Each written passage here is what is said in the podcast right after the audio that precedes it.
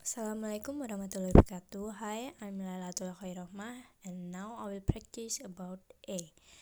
The attack began at noon and reached a climax at about 3 o'clock. Shortly after this, our infantry, led by Captain Edwards, advanced slowly.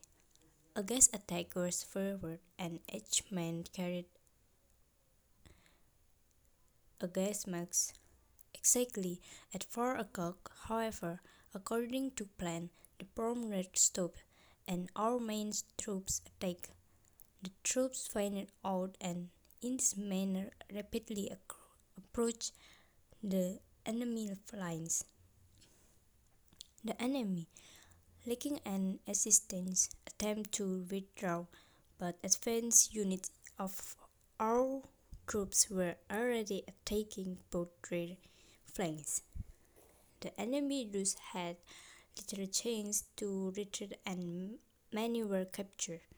The entire action was accomplished exactly according to plan, and capture and Captain Edwards,